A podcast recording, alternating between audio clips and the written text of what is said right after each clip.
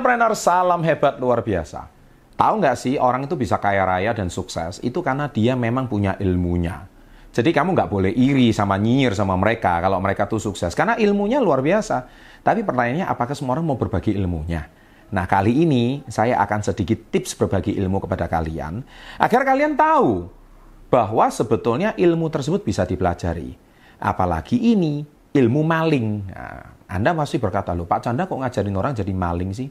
Nah, saya di sini akan menggunakan analogi maling sebagai sebuah teknik bagaimana orang-orang sukses itu menggunakan ilmu tersebut di dalam investasi portofolio mereka. Apa saja? Yaitu empat teknik maling yang bisa digunakan dalam investasi.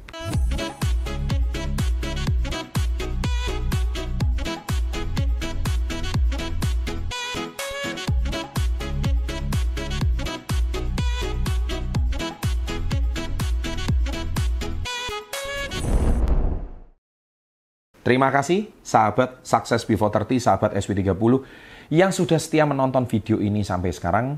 Dan terima kasih bagi para penonton baru yang baru saja menonton video ini. Tentunya channel Success Before 30 adalah channel yang konsisten selalu berbagi ilmu tentang investasi, tentang bisnis, tentang cara pengelolaan keuangan, tentang pengembangan diri dan motivasi, sehingga kalian bisa mendapatkan tips-tips finansial, serta tips-tips bisnis dan tips-tips kehidupan yang bermanfaat bagi kehidupan kalian.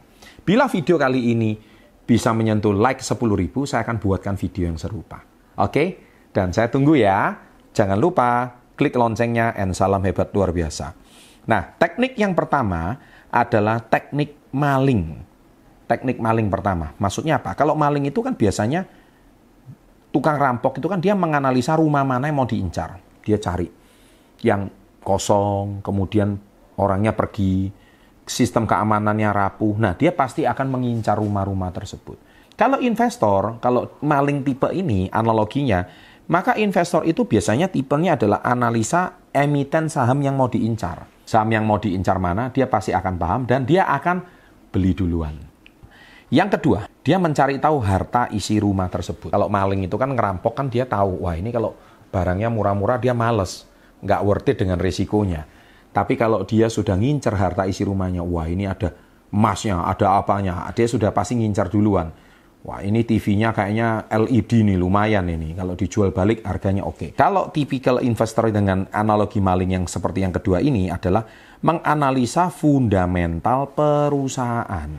Jadi dia tahu perusahaan ini itu kronologisnya seperti apa, sejarahnya seperti apa, historinya seperti apa, kemudian market cap-nya itu seperti apa, kemudian total pemegang sahamnya ada berapa. Intinya semua fundamental perusahaan itu dianalisa. Sejarahnya kapan, pernah ada corporate action-nya kapan, kemudian ada right-right issue seperti apa, pergerakan sahamnya seperti apa. Nah itu udah ketahuan banget yang kedua. Yang ketiga, yaitu memperhatikan gerak-gerik pemilik rumah. Jadi dia tahu rumah ini, pemilik rumah ini perginya kapan, pulangnya kapan, jam berapa dia pulang, jam berapa dia pergi, hari apa dia pergi. Ngomong pribadi ya, saya pribadi ini pernah kena tipu. Kalau zaman dulu saya masih langganan koran, yang mengambil koran sama membayar koran itu pembantu saya. Entah kenapa hari itu hari Idul Fitri pembantu saya pulang rumah semua. Rumah itu kosong, tinggal saya, istri dan anak-anak di rumah. Nah, entah kenapa hari itu ada orang loper koran datang. Dia bilang, "Pak, mau nagih koran." gitu. Nah, saya kan nggak tahu. Yang biasanya ngurus itu kan asisten rumah tangga. Nah, hari itu asisten rumah tangga saya teleponnya juga nggak bisa dihubungi. Ah, saya pikir berapa sih 100 ribu. Ya udah saya langsung bayar. Nah, setelah itu saya dikasih kwitansi palsu. Terus istri saya ngomong, lo ngapain? Kita kan udah bayar langganan koran itu kayak biasanya. Wah, saya kena tipu. Nah, ini maling. Nah, begitu juga investor tuh menganalisa teknik agar bisa membeli di harga yang paling rendah. Dia tahu kapan saat buy yang paling rendah dia tahu ini timing yang paling rendah. Nah, itu sama. Di saat orang paling lengah, di situ dia incar harganya. Nah, itulah analisa uh, investor, menganalisa teknikal agar bisa membeli di harga yang rendah. Oke? Okay? Dan yang tipe yang keempat, maling keempat adalah memperhatikan cara masuk dan keluar.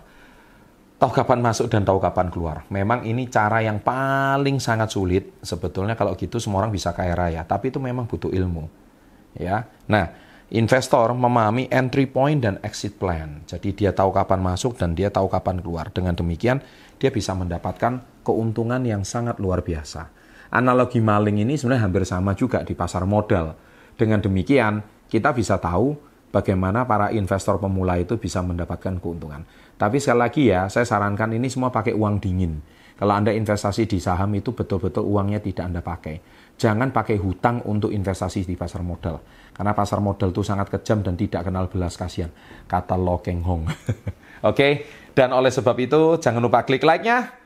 Dan jangan lupa share video ini supaya analogi ini bisa dipahami oleh setiap orang. Sukses selalu and always salam hebat luar biasa.